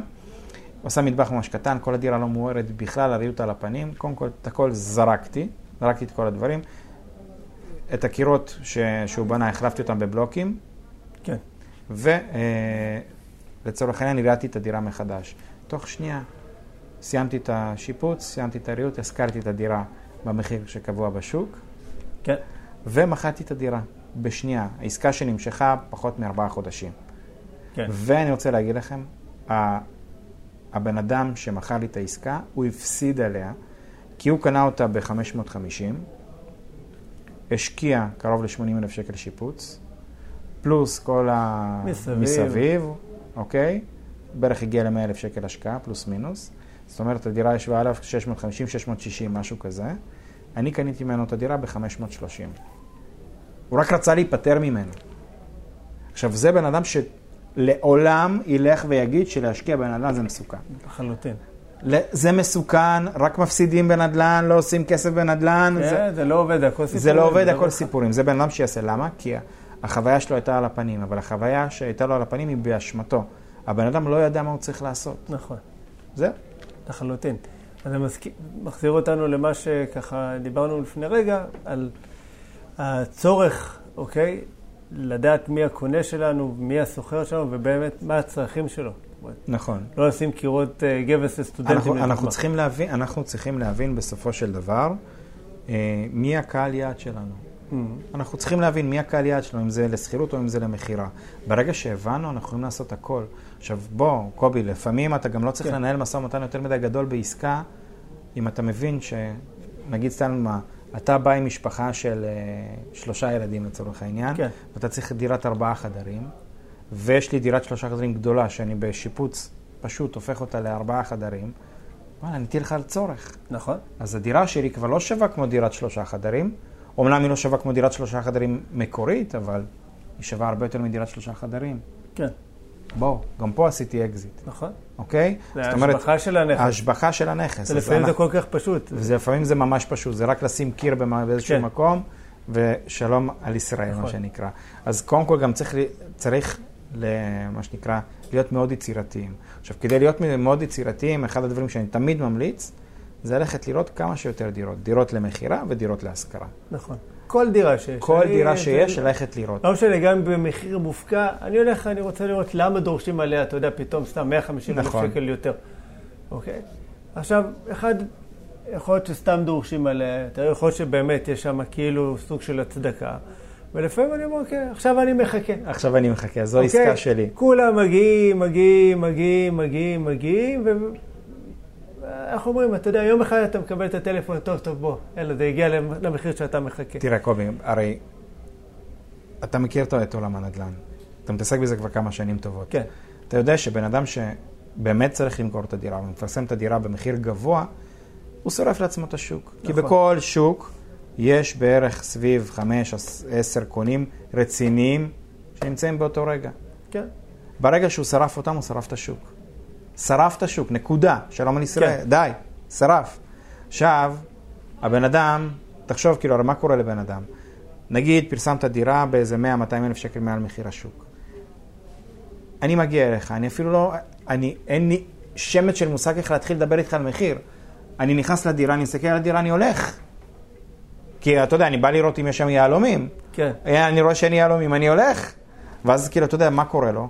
אנשים נכנסים, יוצאים, נכנסים, יוצאים, אפילו אין, אין שבב כן, של משא לא יושב ומתן. בדיוק. עכשיו, גם אם יש שבב של משא ומתן, מה, בן אדם יוריד עכשיו 200 אלף שקל ב- ב- ב- בשיחה? לא. נכון. זה לא יקרה. אז תמיד לזכור שבדרך כלל אלה שמפרסמים הכי גבוה, עם עבודה נכונה, הם אלה שגם כן. יודעים הכי הרבה. עכשיו, שוב, אני תמיד כאלה שמפרסמים הכי גבוה, אני תמיד מסמן אותם אצלי, ואני אומר, אוקיי, שלושה חודשים, מרים אליהם טלפון. אם הם עדיין רלוונטיים, תודה רבה, נכנס אותם למשא ומתן. כן. שלושה חודשים. אם כמובן הם צריכים למכור, אם אין שום סיבה שהם רוצים למכור והם סתם מנסים את השוק, אני לא, אפילו לא מרים אליהם טלפון. אבל בסופו של דבר צריך להסתכל על הדברים האלה, ויש המון, יש המון כאלה, אה, המון אנשים כאלה שעושים את הטעות הזאת. נכון. זה, זה פשוט מדהים, כאילו שזה... אנשים לא לומדים אה, מהטעויות, אבל אנשים גם לא יודעים נדל"ן, אז אי אפשר להאשים אותם. תראה, זה לא קשור, זה לא קשור לנדל"ן, הרי בסופו של דבר, מה קורה לאנשים? רוב האנשים מתנהגים באיזושהי שבלונה מסוימת. אותה שבלונה. אתה עכשיו יושב בבית, אתה רוצה לקנות נכס, אתה רוצה לשדרג את הנכס שלך, אתה לא קודם כל תמכור את הבית שלך ותקנה אחר, כי אתה אומר, מה, אני אמכור את הבית שלי, לא יהיה לי איפה לגור? כן. אבל בוא, אתה יכול למכור את הבית, לסגור את זה שאתה עוד, פינוי עוד שנה, ולחפש בנחת בית. מה רוב האנשים עושים? הולכים קונים בית. מתחייבים. כן. ואז לצורך העניין קונים בית, קריטית. זה הטעות הכי גדולה שאפשר לעשות. כן. הם קונים בית, מתחייבים, ואז אומרים, אוקיי, יש לי שנתיים למכור. כן. והם בטוחים שהם, מה אני אה, מה? מה קרה לך? מה? קרה לך? ואז מה קורה? הם מפרסמים בדרך כלל הרבה יותר גבוה מה- מהמחיר שוק. נכון. ואז מה קורה? הם שורפים את עצמם. הם שורפים את עצמם, ואז מד הלחץ אצלהם עולה. לא, גם בהתחלה, אתה יודע, כולם מגיעים לראות. הוא נכון. בטוח שהוא אפילו תמחר נמוך. נמוך, מה זה כולם. באו, כמה אוקיי. טלפונים, כן, כל אתה רואה ביד שתיים המתווכים. שהוא דילה את המחיר, ואתה מחירים, אומר, כן. לא, לא, הפוך, גוטה, הפוך. הפוך. היום הרי, היום יש את התוסף הזה, הנס, אתה מכיר? נכון, כן. אז בתוסף הנס אתה יכול לראות מתי הוא פרסם. אותה ומתי הוא הוא ירד. אתה לא. בדיוק. עכשיו, כשהבן אדם, בוא נגיד בשנה הראשונה, הוא מה שנקרא אבו עלי. כן. יש לו זמן. עשיתי על המיקרופון, סליחה. יש לו זמן, הוא אבו עלי. אבל כשהתקופה על התשלומים מתקרבת ומתקרבת, הלחץ, מד הלחץ עולה. כשמד הלחץ עולה, המחיר יורד. כן. תמיד לזכור את זה. אז הוא כבר, גם אין טלפונים, אתה יודע, פתאום אתה מתקשר, הוא לא זוכר על איזה דירה. בדיוק. אה, נכון, יש לי בדיוק. מודעה מלפני שנה ביד שתיים. זהו, גם הרבה פעמים אנשים באיזשהו שלב מתייאשים ומפסיקים להקפיץ אותם. נכון. זה גם קורה. עכשיו, אני אתן לכם עוד טיפ קטן, וזה זה משהו שאני תמיד עושה. כשאני הולך לראות דירה, באותו בניין אני תמיד עולה לקומה האחרונה, ואני יורד במדרגות, נוגע בידיעות. יד- כן. למה אני נוגע בידיעות? לראות אם יש אבק. אם יש אבק, אם יש אבק, לצורך העניין, יש חשד לנטושה. כן. עכשיו, חברים, יש במדינת ישראל מעל 160 אלף דירות נטושות. נכון. מעל, אתה קולט את אני המספר. הבנתי שזה בכלל עוד גדל אפילו. זה גדל, אבל אתה קולט את המספר, שזה מטורף. זה עצום. זה מספר עצום. עכשיו, זה, הן נטושות מאלף ואחת סיבות. כמו כן. שסיפרתי לכם על העסקה הראשונה שלי, שקניתי את הדירה הנטושה, קובי, מי אתה חושב היה בעל הדירה? בן אדם עשיר או בן אדם עני? לא, לא, לא, לא הייתי אומר אפילו עשיר. בהימור תקשיב, שלי. בעלים של חברת הייטק. בן אדם עשיר. אוקיי. בן אדם עשיר. לא הלך לי בהימור לא. הלך לך. בגלל זה אני לא מהמר. יפה. גם בנדל"ן, דרך אגב, אני הולך על בטוח. זה תמיד חייבים. בן אני אדם צריך רק על לדעת את בטוח. השווי של הנכס. אני- כשאני נכנס לעסקה, יש לי ודאות, מאה אחוז. זה אם משהו- לא, אני לא... בגלל זה אני... מתקשרים אליי, שמע, יש לי בקריה כזאת דירה, יש לי פה דירה. אני אומר, לא מעניין אותי. אם אני לא מכיר את השוק, אם זה לא השטח שלי, לא יודע. מה עכשיו אני אלך, אני אראה, לא מכיר, כן, טוב, לא טוב. קודם כל, אתה צודק.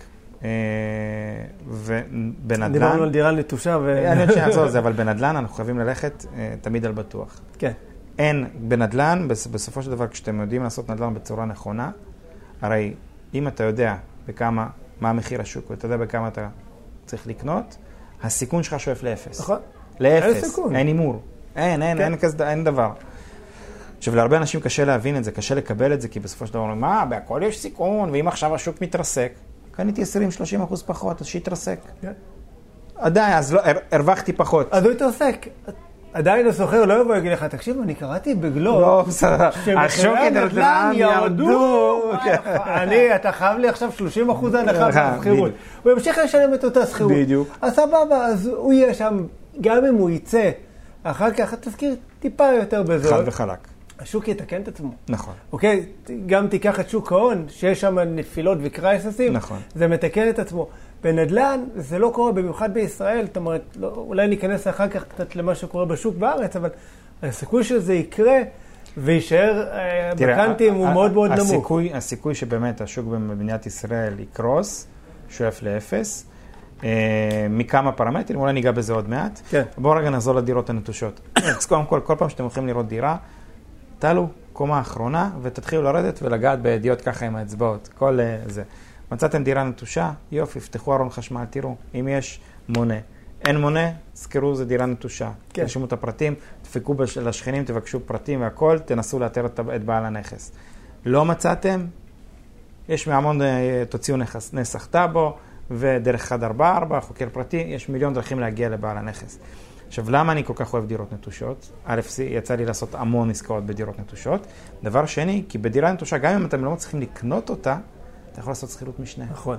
שכירות משנה זה אחד הדברים היותר כיפים. יש לי דירה, כבר שבע שנים לצורך העניין, דוגמה אחת מהעסקאות של שכירות משנה שיש לי. אני משלם עליה 800 שקל בחודש. אני מקבל כן. 2,500.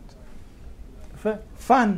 בלי משכנתה. בלי משכנתה, בלי ריביות, בלי שום דבר, כן. כלום. כלום. כן. לצורך העניין, שוב, זה הכנסה פסיבית, בלי שק... יש... כאילו יש לך נכס, כן. בלי שיש לך נכס. כן. אוקיי? ואתה ולא צריך להיות רוטשילד, ולא צריך להיות ברון, ולא צריך להיות נכון. שום דבר. אפשר לעשות עסקאות בנדל"ן גם בלי כסף. כן. עכשיו, יבואו אנשים ויגידו, אוקיי, אין לי הון עצמי בכלל, אני לא יודע מה לעשות, איך אני אקנה דירה, מה הכל, איפה אני, איך אני מתחיל כן. בכלל. אתה חושב שהון עצמי נחוץ? לא. כדי להתחיל להשקיע? אני ההוכחה שהון עצמי לא נחוץ. נכון. גם אני. בוא, מינוס 134, מ- מינוס 34, לא משהו, מינוס כן. 34 אלף שקל לקנות דירה ראשונה. הון עצמי לא נחוץ. עכשיו, לצורך העניין, בוא, סבבה, הבנק לא נותן לך כסף. קובי, מצאת עסקה, פצצה. כן. הבנק לא מוכן לתת לך כסף. אוקיי. עברת, כמוני, 50 סניפים, בסדר? אין, כל החמישים אמרו לך, קובי, זרקו אותך מהמדרגות. אתה יכול לממן את העסקה? תמיד יש דרך. תמיד יש דרך. אז איזה דרכים יש לנו? בנק לא נתן לנו, תמיד אפשר למצוא משקיע. משקיע. משקיע.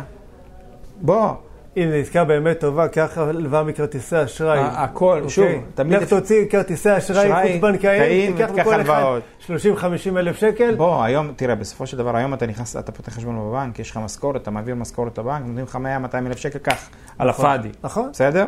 אתה לא צריך, איזה, להון עצמי זה כבר מספיק. כן. בסדר? אבל לצורך העניין, לא יודע מה, יש לך קרדיט גרוע. לא נותנים לך. כן. יש לך BDI שלילי. לא נותנים לך הלוואות. תקשיבו טוב, יש מספיק אנשים, מספיק אנשים, יש מיליון קבוצות בפייסבוק של אנשים שמשקיעים בנדל"ן.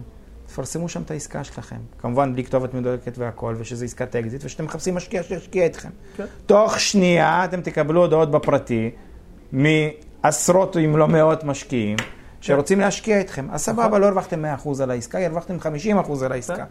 עדיף 50 אחוז מאשר 0 אחוז. בואו, תתחיל- תתחילו להגדיל את ההון העצמי שלכם. נכון? אני רוצה שאנשים גם יבינו, בסופו של דבר, הכסף זה לא פקטור, כסף יש. כן. צריך להשיג את העסקה. ולהשיג את העסקה זה עבודה לא פשוטה, לא קלה. לא. הרי קובי, אתה, אתה גם מלווה משקיעים, אתה בעצמך עושה עסקאות אקזיט והכל. אתה קרעת את התחת שלך, סליחה על הביטוי, עדיין. עדיין, עדיין. לא, אני אומר, קרעת את התחת שלך כדי להבין בכלל איך אתה צריך לקנות את הדירה, באיזה נכון. מחיר אתה צריך לקנות את הדירה, למי אתה הולך למכור אותה, למי אתה הולך להשכיר אותה. תקשיב, אני בהתחלה, בתחילת הדרך, וסיפרתי על זה כבר הרבה פעמים, כולם אמרו לי, עזוב, אתה מחפש דינוזאורים, זה לא קיים. זה- אין, נו, כן, זה ברור, זה לא לא קיים, קיים. לא. קיים. העסקאות האלה, עזוב, זה בקורסים, אוקיי? זה, זה לא קיים. והפעם הראשונה שאתה נתקל בעסקה כזאת, כי שבאמת היא 25-30 אחוז, אתה, אתה, אתה, אתה לא יכול להגיב. כאילו, אתה אומר, זה, זה, אני חולם, כנראה שטעיתי בחקר שוק, שאני לא יודע. החישוב שלי לא אתה- נכון, אתה- איפה, כן, אתה אתה מפקפק אתה- בעצמך. אתה אומר, זה, משהו כאן לא הגיוני, נכון. אוקיי? עכשיו, אבל זה הגיוני. זה הגיוני. זה, כאילו, בוא, זה זה.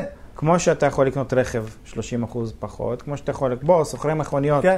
סוחרי מכוניות, עושים רווחים מטורפים על מכוניות, הולכים, קונים אה, 30 אחוז מתחת למחיר שוק, מוכרים אותם במחיר שוק. נכון, עושים, אני עושים- מודה, אני כל פעם שאני מחליף רכב, אין לי סבלנות. בדיוק, גם לי. הראשון שבא... ברוך ו- הבא. אני, יש לי את המחיר מינימום, בדרך כלל הוא, הוא גם, כאילו די, אני כאילו כבר שוחט את עצמי. אתה עושה את העבודה לא, נוחה אני הסוחר. שוחט, מי שמגיע מציע לי, אני אומר לו, קח. לא, אז... אוקיי? ועכשיו אני גר ליד המגזר, אז הם שם, איך שאני רק מפרסם, זה, כן. לחצתי פרסם. בא אליך מישהו, בא קונה. ממתינות, כן, תוך חמש דקות כבר יש לי איזה סוחר מכוניות. ו... אז לצורך העניין, אני, אני רוצה ש, שכל מי שמקשיב לנו לפודקאסט הזה, כן. שיבין. הדבר הכי חשוב בנדל"ן, הכי חשוב, הכי חשוב זה החקר שוק. נכון. עשית את החקר שוק בצורה נכונה, יסודית, העסקאות שלך יהיו טובות. לא עשית חקר שוק, כן. העסקאות שלך יהיו גרועות. ואני רוצה גם להגיד עוד משהו, חקר שוק זה הדבר הכי קשה שיש. נכון. למה? כי חקר שוק אורך בדרך כלל, אם תקן אותי אם אני טועה, בערך כלל שלושה חודשים. אני מינוס. אפילו אומר חצי שנה, אוקיי? אתה, אתה מהמחמירים. אני מהמחמירים, כי אני אגיד לך, רוב האנשים יש היום... כאלה שאומרים בשר וחלב חושב- ארבע שעות, אתה כן, שש. אני מהמחמירים, כי, כי אני אגיד לך, יש איזו דעה רווחת היום, שמספיק להגיע איזה שלוש-ארבע שעות פעם בשבוע לשטח, ו- וזהו, ואז אתה מומחה כבר לאותו אזור, אוקיי? אתה אומר שלושה חודשים, כי אתה פעמיים שלוש בשבוע בשטח. אז זה, קל הרבה יותר ללמוד את השטח. אני אומר שלושה חודשים מכמה סיבות, תראה, מכמה סיבות. אחד, אה, במהלך שלושה חודשים, אה, אם בחרתם את השוק, כמו שאמרתי, לפי 20 עסקאות שבוצעו ו-20 עסקאות שיש עכשיו, אתם תוכלו לעקוב אחרי עסקאות שנמכרו. נכון. זה אחד. ושלושה חודשים זה גם מספיק זמן. אבל שוב, כל אחד גם לפי הקצב שלו, יש כאלה שזה כן. יכול לקחת שלושה חודשים, יש כאלה שזה יכול לקחת חצי נכון. שנה, ויש כאלה שזה יכול לקחת להם שנתיים. כן, כל אחד לפי הקצב שלו, אבל, אבל, זה הדבר הכי חשוב. עכשיו, עוד דבר, וזה משהו שאנשים צריכים להבין, מי שרוצה להיכנס לתחום הנדל"ן, צריך לקחת את כל העכבות שיש לו, את כל השרשרות שמחברות אותו בגב ומושכות אותו אחורה, אחורה, את כל הפרדיגמות, את כל, ה, כן. את כל היועצים, שמו יועצים, לשים אותם בצד, את כל הדברים האלה לשים בצד. החלטתם להתעסק בנדל"ן, החלטתם לעשות נדל"ן, אתם רוצים להתעסק באקזיטים, אתם רוצים למצוא נכס מניב, לא whatever, צריך לעשות. יש המון עסקאות אקזיטים, במיוחד בארץ, המון, כל הזמן.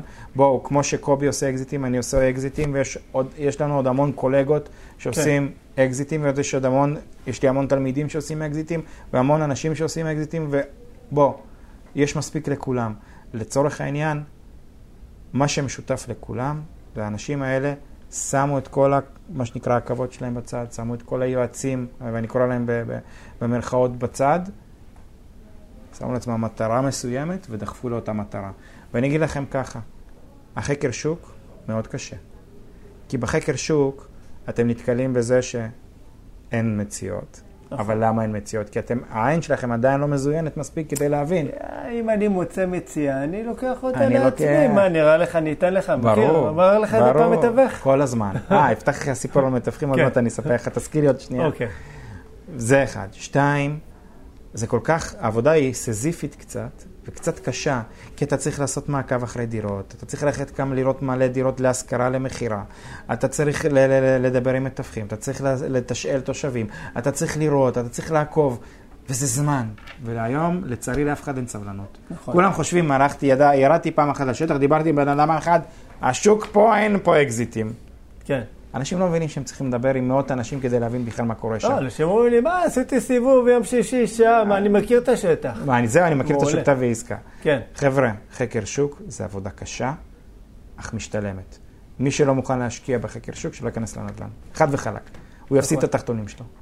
נקודה. כי צריכים, צריכים להכיר, צריכים גם לפעמים להכיר ברמה של הבניין. ב- אתה בא, אתה אומר, וואלה, דירה זה, וכי...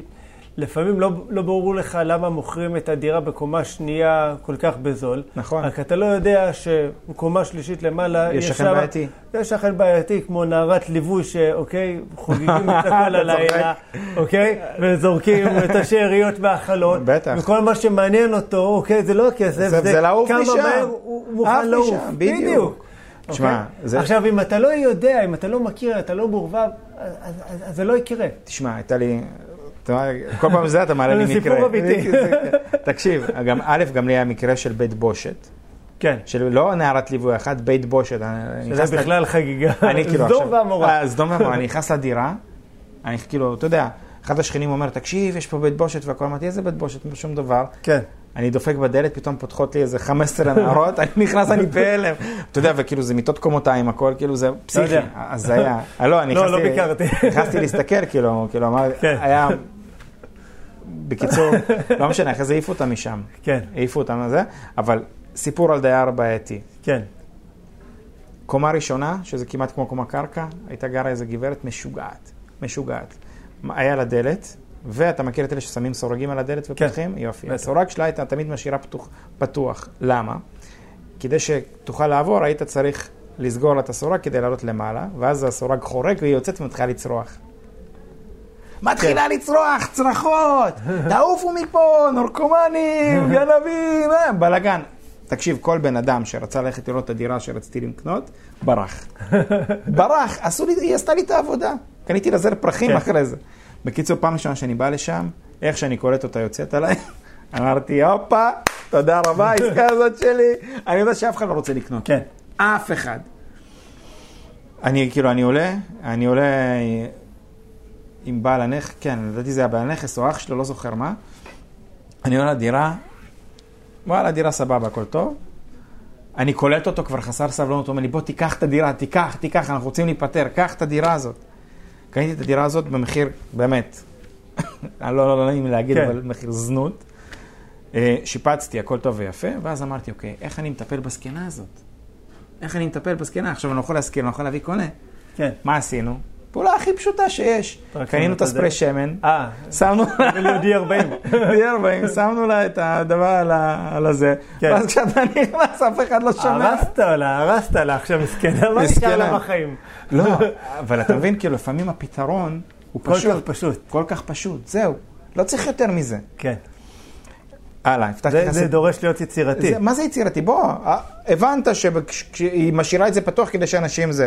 בשנייה שזה לא חורק, נכון. היא לא יוצאת. אתה יודע, אני דוגל במודל כיס, אוקיי? Keep it simple and Keep it stupid. simple, בדיוק, עזוב, אל... בדיוק. לפעמים, אתה יודע, אנשים מגיעים, וכאילו, בוא נשבור את הקיר הזה, נעשה ככה. בוא, אה, אה, עזוב. עזוב, לא צריך יותר צבע. מדי. נכון, אז אתה יודע מה, נחליף מטבח, אתה צודק. אוקיי? שבוע, כן, אני אספר לך על סיפור. המתווכים. תקשיב טוב. איזשהו שלב אחרי שאלעד ואני עשינו כבר איזה כמה עסקאות, אמרתי לו, תקשיב, אלעד, אני הולך עכשיו לדבר עם המתווכים, בבאר שבע יש את רחוב הפלמ"ח שם, בזמנו ישבו כל המתווכים, עדיין יש שם הרבה מתווכים, אבל כבר הוותיקים שביניהם. אני מגיע לשם, אני קולט איזה מרצדס שכונה ליד איזשהו משרד, מרצדס גדולה כזאת, אמרתי, אני נכנס לשם, יושב שם בחור מדושן, כל אצבע, קבב, כן, מדבר בטלפון, אני מתיישב, הוא מסיים את הטלפון, אומר לי, כן, בחורצ'יק, מה אתה רוצה? אמרתי לו, תשמע, אני מחפש דירות בסביבת האוניברסיטה, שכונה ד' וזה, יש לך משהו פה ושם? אומר לי, כן, יש לי מעלה דירות, מה אתה מחפש? מה אמרתי לו? מה אמרת לו? מציאות. מציאות. תקשיב טוב. אמרתי לו, מציאות. הוא אומר לי, אה, אתה מחפש מציאות? חכה שנייה. מעולה. עושה כמה טלפונים, תקשיב, פתאום כל המתווכים של רחוב הפלמ"ח אצלו במשרד. כל המתווכים אצלו, אצלו במשרד. אתם רואים את זה? זה מחפש מציאות. תקשיב, כולם צוחקים שם, צחוקים וזה, ואני מחליף צבעים, סגול, אדום, קר- מה שאתה רוצה. עומד שם בבושת פנים, ואז הוא פותח לי את המגירה, מוציא לי דף, אומר לי ככה, אתה שומע חמוד? יש לי מציאה, אני לוקח אותה. אם אני לא לוקח אותה, אחד מכל החבר'ה פה ייקח. אם הם לא ייקח, אתה רואה את הרשימה הזאת? זה החבר'ה, זה הרשימת זהב שלי. אחד מהם כן. ייקח, אתה לא רוצה? יופי, אמרתי לו, ראיתי שיש לו שם 11 אנשים ברשימה, אמרתי לו, שים אותי מספר 12. עוד ידעת מה לענות. אמרתי לו, שים אותי מספר 12. יהיה. אמרתי לו, יש לך עוד מקום בדף, שים אותי. כן. אמר לי, לך, לך ילד, לך. וזה גרם לי להבין שבסופו של דבר, א', הפנייה שלי למתווך הייתה לא נכונה.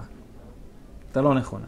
עשיתי עוד מלא טעויות עם מתווכים. אני זוכר שבגלל שאני הכרתי את השוק כל כך טוב, ונגיד מתווך היה בא ומראה לי דירה, הייתי מתווכח איתו, המתווך היה מספר לי סיפורים, אני הייתי מתווכח איתו, מה פתאום, פה זה לא הולך להיות ככה, פה זה זה, המתווך היה מתבאס, הולך. נכון. הולך. כן. למדתי שבסופו של דבר, מתווך בא מה שאומר, מבחינתי קדוש, הכל טוב ויפה, אני יודע את האמת. צודק. אה, הוא צודק, אני לא צריך לריב איתו. ובסופו של דבר... דרך אגב, גם אחרי, אני כבר לא יודע אפילו, כאילו, המון עסקאות, אוקיי? עדיין המתווכים מספרים לי סיפורים, הם לא יודעים אחרת. הם, הם כאילו, לא. הם, הם כל הזמן לא, ואתה בא, אתה יכול כאילו למכור אותה ככה, ואתה יכול לעשות אותה ככה, ואתה. יכול להזכיר אותה, ו- ובאמת מספרים לא נכונים יש, והם תראה, יש, לא הגיוניים. יש מתווכים שהם מתווכים טובים, אוקיי? כן, לצערי- לא, זה לא כולם, זה לא כולם, מאה אחוז. זה- זה. יש מתווכים שהם מתווכים טובים ובאמת אה, ממש ממש טובים, ויש לצערי מתווכים שמוצאים את השם הרע למקצוע, שהם בכלל גם לא מבינים מה הם מוכרים, מה הם קונים בכלל. כן. נכון. אין מה לעשות. עכשיו, בסופו של דבר אני רוצה שתזכרו דבר אחד. מתווך זה הבעל מקצוע הכי חשוב שלכם. הכי חשוב. למה? כי הוא הספק שלכם. הוא הספק. אני יודע שאם מתקשר אליי מתווך, אני תמיד עונה. אין ד- דבר כזה שאני לא עונה למתווך. נכון. מתווך זה, הספ... זה הספק דירות הכי חשוב שלכם. זה הספק. אין. תחשבו עכשיו, יש לכם מפעל, והספק שלכם מתקשר. כן, לא תענו לו, תענו לו. כן. אוקיי? אז תמיד. ותזכרו טוב, תמיד, תמיד, תמיד. לכל מתווך יש לפחות 2-3 דירות טובות בשנה. נכון. תמיד יש. כן. כי אתם רוצים להיות אלה שיקחו אותם. אז קודם כל, תשמרו איתם על קשר טוב. אל תתווכחו איתם, ולעולם, לעולם לא להתווכח על עמלה. אתה יודע מה אני, כאילו, כש... נגיד אני הולך לראות דירה ואני שומע מישהו מתווכח עם איזה מתווך על עמלה, זה הדבר, כאילו, זה צורם לי באוזן. כן. עכשיו, אם אני שומע את המתווך מסכים, אני לעולם לא אעבוד עם המתווך הזה. אתה יודע למה? כי אם הוא ויתר על הלחם והחמאה של הילדים שלו, על האוכל של הילדים שלו, איך הוא ינהל עם משא ומתן? אין סיכוי אפילו. אין סיכוי, איך הוא ינהל עם משא ומתן על הנכס? מתווך טוב, לא יוותר על העמלה שלו, ואתם לא צריכים להתווכח איתו על העמלה שלו, אלא להפך, לשלם לו קצת יותר, כדי נכון. שבסופו של תזכרו, למתווך אין שכר בסיס. כן. אין לו, הוא, הוא, מזה שהוא טייל איתכם בכמה נכסים, הוא לא מרוויח כסף. הוא מרוויח כן. כסף מזה שמישהו סוגר. מישהו סגר. יואו. הוא רוצה לדעת שהוא קיבל עסקה, שהוא סוגר אותה כמה שיותר מהר. כמה שיותר מהר, כמה שיותר מהר כמה וכמה שיותר רווחי בדיוק. מבחינתו. לכן, אם אתם עכשיו באים ואתם מתווכחים איתו על העמלה שלו, אה, למה שתי אחוז? בוא אני אביא לך חצי אחוז, בוא. מה האינטרס שלו עכשיו לעבוד בשבילכם? נכון. אבל מצד שני, כן. אנשים חושבים שאתה יודע, אתה קונה את המתווך רק בכסף. וכאן, אתה יודע, הם נופלים. נכון. כי הם אומרים, אה, אוקיי, סבבה, אם יש 2 אחוז, אני אתן לו אפילו 4 אחוז, שהוא יביא לי עסקה טובה. אבל כמות האנשים הזאת, אוקיי, היא פשוט כבר אינסופית נהייתה. כי כולם שומעים, אתה יודע, את כל הפודקאסטים לא, והכל, אבל- אז, אז הם כבר פחות המתווכים- מתווכחים על, על הכסף. בסוף, סבבה, תדע לסגור עסקה מהר, תשלם לו יותר, אבל תזכור, אתה צריך קשר. להיות איתו בקשר, מערכת יחסים קשר. טובה, בשביל שבכלל תקבל ממנו את הטלפון. אתה יודע מה קרה לי. פעם אחת? יש מתווך, שהוא ב- עם ה- עם עם מרוצת השנים הפך להיות חבר. כן. ולא יודע, קרה איזה חודשיים שלא הייתי איתו בקשר. קרה, חודשיים. חודשיים. ואז אני שומע שהמניאק, סליחה על הביטוי, הייתה לו עסקה פצצה, העביר אותה למישהו אחר. אני מתקשר אליו בקללות, מצרחות, אני אומר לו, תגיד לי, אתה לא מתבייש? איך אתה לא מתקשר אליי כשיש לך עסקה? הוא אומר לי, וואי, אחי, שכחתי אותך. כן. ברח לי מהראש, אני מה זה מתנצל? מה זה מתנצל? ואז כשהוא אמר לי את זה, אשמתי, לא אשמתו. נכון. התחלתי לקלל את עצמי לא אותו. אתם חייבים לשמור על קשר עם מתווכים, לצאת איתם לקפה, ללכת לבר מצוות שלהם, לחתונות אה, שלהם, תקשיב, אני לבריתות שלהם. פעם בשבוע, יש לי סיבוב מתווכים. אני, אוקיי, מגיע לשטח ועובר אצל כל המתווכים, אחד-אחד, נכון, רק להגיד שלום. בדיוק. שלום. יש זה- כאלה שמשרדים, אוקיי, או מתווכים, כאילו, אתה יודע, כאלה משרדים קטנים כאלה, ששיפצו אותם יפה לפני 50 שנה, נכון. אוקיי? לא עשיתי איתם לפעמים אפילו עסקה שנה, אבל אני עדיין מגיע להגיד שלום. עכשיו אתה אומר, בואנה, שנה לא סגרת איתם עסקה? נכון, אבל אני אף פעם לא יודע מתי תגיע לו עסקה טובה. בדיוק. כמו שאני מחפש. בוא, תשמע, יש לי איזה אוקיי. מתווך, למלם, שאני עובד איתו. מה זה למלם? הוא, אבל, אני עובד איתו כבר איזה שמונה שנים. פעם בשנה קבוע, אני לא צוחק איתך, פעם בשנה קבוע, יש לי ממנו טלפון לעסקה. טובה. כן. פעם בשנה. ואני אני, אני לא יודע ממה הוא מתפרנס, באמת לא יודע ממה הוא מתפרנס. אולי מהעסקה שלי בשנה. אבל, אבל אני שומר איתו על קשר. וכל פעם זה, אני פעם בכמה חודשים, פעם בכמה שבועות, לא משנה, whatever, מה שיוצא, מרים טלפון, מה נשמע, מה שלומך, בחגים, מאחל חג שמח, נותן, קונה איזה שעי, כל מיני דברים כאלה. גם האנשים האלה, צריך לשמור איתם על קשר תמיד. נכון. אבל אתה יודע שזה לא יהיה גם מאולץ. כאילו, לא יודע, אני לפחות, באמת מגיע ואומר שלום, אתה יודע, מכל הלב ו- לא. ובכיף, כי, כי אני אוהב אנשים. תשמע. מה זה אוהב התחלנו אנשים? אבל מזה תשמע, ככה, בשיחות קודם, שנדל"ן זה אנשים. נדל"ן זה אנשים, אבל קובי, בוא, גם אני אוהב את זה, גם בוא, יש קפה בחינם. אתה בא, לו- זה- מה קרה לא, לך? במקרה במקום לשבת בבית קפה, אתה יושב במקרה איתך. שלי אני שותה שתי קפה ביום, כן. כל פעם יש איזה אה, משפחה של ככה, כולם שם במשרד, כל פעם הם כאילו, הם כאילו נפגעים שאני לא שותה קפה ואני כבר, לא יודע כמה זמן כבר מכיר אותם, כן. כבר כמה שנים, אני אומר, מים, זה הקפה שלי, אני. מגיע, מזגים לי כוס מים, יושב, שותה. כוס מים והולך. אני, תקשיב, אני יוצא לי... ואומרים לי, אתה תדע לך, הכי כיף שאתה מגיע, אתה חסכוני. אתה חסכוני, כן. אז אני, בוא, אם בא לי קפה, אני הולך למתווך. לא הולך לבית קפה, אני הולך למתווך, עם כל כן. הכבוד. לא, אבל עכשיו בצחוק, אה, בלי צחוקים, לצורך העניין, זה משהו שחשוב, לשמור איתם על קשר, נכון. ולהיות איתם בקשר ממש טוב. כן, זה הסוד הגדול. זה הסוד. הגדול, בדיוק, זה הסוד הגדול, כי בסופו של דבר, בואו, ברגע שהם רואים שהם עושים מכם כסף, הם ימשיכו לעשות איתכם נכון. כסף. נקודה. רואים שעושים אתכם כסף, שאתם רציניים, נכון. אוקיי? ו- ואתם יודעים ככה להתקדם מהר. נכון אז, מאוד. אה, בדיוק. שאתם באמת אנשים טובים בעיניי. נכון מאוד. אז לסיכום, לדעתי, כן. אה, אם אתם רוצים להתעסק בנדל"ן, חבר'ה, תורידו את כל רעשי הרקע כן. שיש. אתה יודע, יש הרבה שמועות, אתה יודע, דיברנו הרבה הרבה על אקזיטים, אז זה אולי קצת שאלה שענינו עליה, אבל יש הרבה שאומרים שכבר זהו, בארץ אה, קשה מאוד לעשות עסקאות אקזיט. קובי, ו- אתה צודק. אוקיי? אתה צודק. בארץ נכון. כבר אי אפשר לעשות עסקאות אקזיט. אין, השוק מת. זהו, סגרת את השאלה. סגרת את זהו. לא, הנקודה היא, תראה, אתה יודע, מדברים על מיסוי והכל, וש... קודם כל, מה המיסוי? עכשיו כולם, אתה יודע, מחפשים... בוא, אה, היטיבו איתנו, הורידו אה? משמונה לחמש תכלס, השאירו קודם לנו כל- 3 אחוז בכיס. בכיס. כן, זה אחד. שזה כבר. בשורה משמחת. אתה יודע שב-2015, ב-23 ליוני 2015, כשמס הרכישה עלה, זה היום שעשיתי פה את הקופה הכי גדולה שלי. מכרתי דירות כי כולם רצו לחסוך 3%, שילמו 30% יותר. כן. זה היה טירוף, בכל הארץ. הייתי עם העורך דין שלי במשרד מ-7 בבוקר עד 12 בלילה. כן. כי אנשים רצו לחסוך את ה-3%. אבל בואו, שימו את הצחוקים בצד. תראו, יש היום המון עסקאות. המון אנשים שרוצים, שמוכנים למכור בפחות. יש המון דרכים לעשות אקזיט ולא חייבים תמיד לקנות מתחת למחיר שוק, צריך גם להיות יצירתי. הדבר הכי חשוב זה לחקור את השוק. ברגע שאנחנו מבינים את השוק שלנו, אנחנו יכולים לה- להגיע לעסקאות אקזיט. בואו, זה כמו שעכשיו, אני לא מבין שום דבר בעולם המכוניות, לא מבין שום דבר ב- ב- בעולם הרפואה, לא מבין שום, זה כמו שעכשיו, כן. תשימו אותי לעשות ניתוח. בואו, אתם רוצים להתעסק בנדל"ן? תעשו את זה נכון. תחקרו את השוק בצורה רצינית. לא חפיף. לא חבר סיפר, זה עשה לו. כן, קראתי בעיתון, דרך אגב, בדה מרקר. כן, כן. אין בעיה לקרוא עיתונים, הכל טוב לא, ויפה. סבבה, מי בסדר. שזה עושה לו את זה. אין בעיה לקרוא עיתונים, כן. אבל אנחנו לא יכולים להסתמך על העיתון וללכת לקנות דירה. אנחנו לא יכולים להסתמך על חבר וללכת לקנות דירה. אנחנו צריכים להבין. חבר'ה, נדל"ן זה עסקה כלכלית אחת הגדולות שאנחנו נעשה בחיים שלנו. אחת כן. הגדולות. נכון. אנחנו צריכים להבין בזה.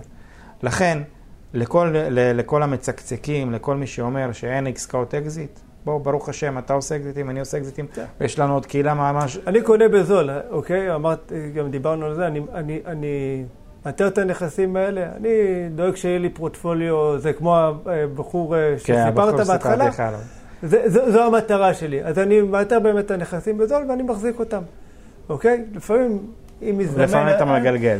כן, אוקיי, אבל... בכל זה, מקרה, חשוב. זו האסטרטגיה שלי. בסדר וזה גמור. יפה. זאת אומרת, אני חושב שדיברנו הרבה ככה על עסקאות אקזיט, נכון. אבל אה, אני חושב שיש כל מיני צורות אה, כאילו יש של, מנעד של שלם השקעה. של כאילו בדיוק של... ו- וזה לא חייב תמיד להיות באמת העסקאות המהירות האלה נכון. של לקנות אה, ו- ולגלגל את העסקה נכון הלאה. מאוד. אוקיי? זאת אומרת, זה, זה לא רק זה, זה לא שחור או לבן, יש עוד בדיוק. הרבה, לפעמים גם אפשר לקנות במחיר שוק, אוקיי, עסקה טובה, ולהשביח אותה ולעשות אותה אפילו עסקה מצוינת. בדיוק. ולפעמים אתה קונה היום עסקה, אוקיי, טיפה מתחת למחיר השוק, אבל אתה יודע בדיוק מה הולך להיות שם, בדיוק. אוקיי, מבחינת פיתוח. השוק ואתה אומר, משתנה, גם דברים ככה אני משתנים." לא מוכר את זה בוא, עכשיו בעוד שנה, שנתיים, תשמע. בעוד חמש שנים. אני יודע שזה מה שיהיה, והדירה הזאת תהיה שווה הרבה אני יותר. אתן לך דוגמה. הייתה לי... אה, יש בניין שבשכונה ג' בבאר שבע, לידו, כן. לידו בנו אה, כמה בניינים חדשים, אוקיי? ידעתי שבאותו בניין, שאם אני קונה כמה דירות, המחירים ב- אוטומטית יעלו. כי א', הש- השכונה משתבחת, האזור משתבח. כן. הלכתי, קניתי איזה שלוש-ארבע דירות באותו בניין. אוקיי?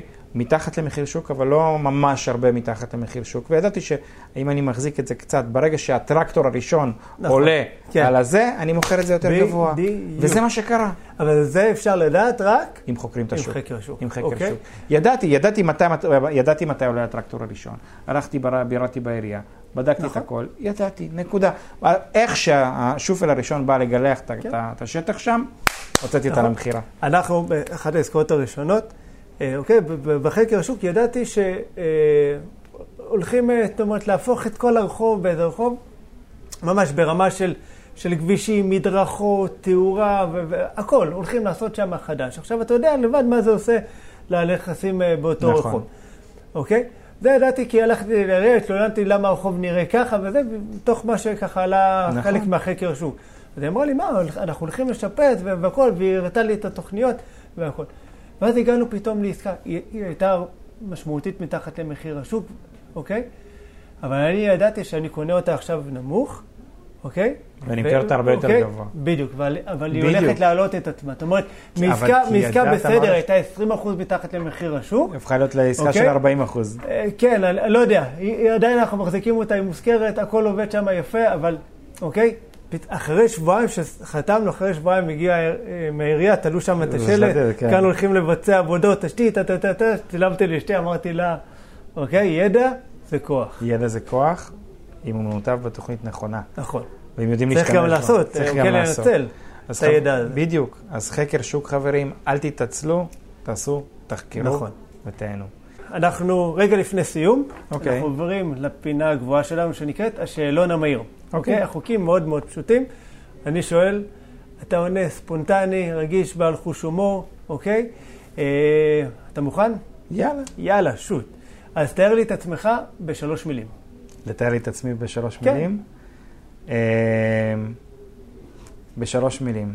פחדן, עצלן, שואף ליעדים. מעולה. מי הוא האדם שהכי השפיע עליך? מי הוא האדם שהכי השפיע עליי? אה, מי האדם שהכי השפיע עליי? אה, אחד המשקיעים שעשה איתי הרבה עסקאות, לא יכול אוקיי. להגיד את שמו, אוקיי, אה, מפאת אה, סודיות, אבל זה בן אדם שלמדתי ממנו המון. מדהים. מדהים. זאת אומרת, גם היה איזה מישהו שליווה אותך, לימד אותך ככה בתחילת זה, הדרך? הוא, לא, הוא לא ליווה, הוא לימד אותי, זה מישהו שלצורך העניין, הוא, הוא, הוא עשה איתי עסקאות נדל"ן ביחד, כן. ולמדתי ממנו התנהלות עסקית בצורה מדהימה, ובוא נגיד הרבה בזכות מה שלמדתי ממנו, אני יודע היום לנהל עסקים בצורה מדהימה. מדהים. אמרת שאתה קראת הרבה ספרים מתחילת הדרך. נכון. ספר מומלץ. never split the difference. אה, ספר טוב. הדבר הראשון שהיית לוקח איתך לאי בודד. הדבר הראשון שהייתי לוקח איתי כן. לאי בודד, כן, את המשפחה שלי, יפה. והדבר האחרון שהיית לוקח איתך לאי בודד? טלוויזיה. טלוויזיה. יפה. העצה הכי טובה שנתנו לך. העצה הכי טובה שנתנו כן. לי, העצה הכי טובה שנתנו לי, אה, להאמין בעצמך. יפה. איזה תחביב יש לך? איזה תחביב יש לי? שחמט. כן. שחמט. כן. באמת? כן. יפה.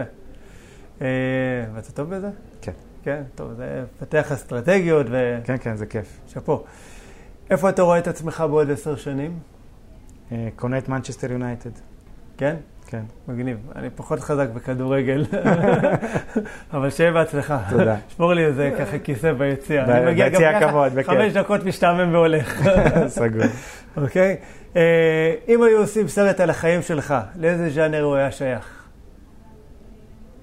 אם היו סרט על החיים שלי, כן. לאיזה ז'אנר הוא היה שייך? אקשן. אקשן. צ'אק נוריס כזה. סוג של צ'אק נוריס לגמרי. לאן היית הולך אם היית בלתי נראה? לאן הייתי הולך אם הייתי בלתי נראה? כן. לכנסת. לכנסת. כן. מה יש לך חייב לשמוע מה הם אומרים שם. כל השטויות שלהם, את כל הקומבינות כן, שם. כן. אה, טוב, אני יכול אולי להבין. אה, כמה זמן לוקח לך להתארגן בבוקר? שעה וחצי. שעה וחצי. יפה. אה, סוף סוף מישהו כמוני שלוקח לו זמן. לוקח לי מלא זמן. כולם אמרו לי חמש דקות, לא, עשר לא, לא, דקות. שעה ואני, איך וחצי. אתם עושים את זה? אני לפעמים רק אצחצח שיניים. שמע, אני לא קם. בארבע וחצי, כי אני יודע ששעה וחצי לוקח לי להתארגן. אה, אה, מה הדבר שעשית שאתה הכי גאה בו? מה הדבר שעשיתי שאני הכי בבו? כן. את הצעד הראשון שלי בעולם הנדל"ן. יפה. שאלה אחרונה, כן. את מי אתה ממליץ לי לראיין בפרק הבא? את מי אני ממליץ לך לראיין בפרק הבא? אמ, את מי אני ממליץ לך לראיין בפרק הבא? אני ממליץ לך לראיין את עמרי טופז, הוא יועץ משכנתאות, אוקיי, אחד התותחים שאני מכיר. וואלה, מגניב. הוא יכול לספר לך על עסקאות נדל"ן מטורפות ועל המימונים שהוא השיג לאנשים בצורה מדהימה. יאללה, סקרנת? אנחנו בדרך לעומרי. סגור. אוקיי? אז אה, רגע לפני שככה אנחנו נפרדים, אה, אם אתם עדיין לא רשומים לערוץ, זה הזמן להירשם על הערוץ, ללחוץ על הפעמון שתוכלו להישאר מעודכנים. אם עדיין לא הורדתם את המדריך להשקעה נכונה, אז אני מצרף לכם קישור אה, כאן למטה, אם אתם ביוטיוב, בספוטיפיי או בכל פלטפורמה אחרת. יבגני, המון המון תודה. קובי, תודה לך. אוקיי, אני... נהניתי בטוח- מאוד. אני מאוד נהניתי. גם אוקיי, אני. היה פרק ככה עם המון אה, מעורר השראה, אוקיי, גם מצחיק וכיף. לחלוטין. שזה בכלל. תענוג. אז אה, תודה רבה על הזמן. תודה רבה לך. תודה רבה לידע. ותהנו. ו- תהנו חברים, שיהיה לכם יום מקסים. ניפגש בפרק הבא. ביי ביי. ביי ביי.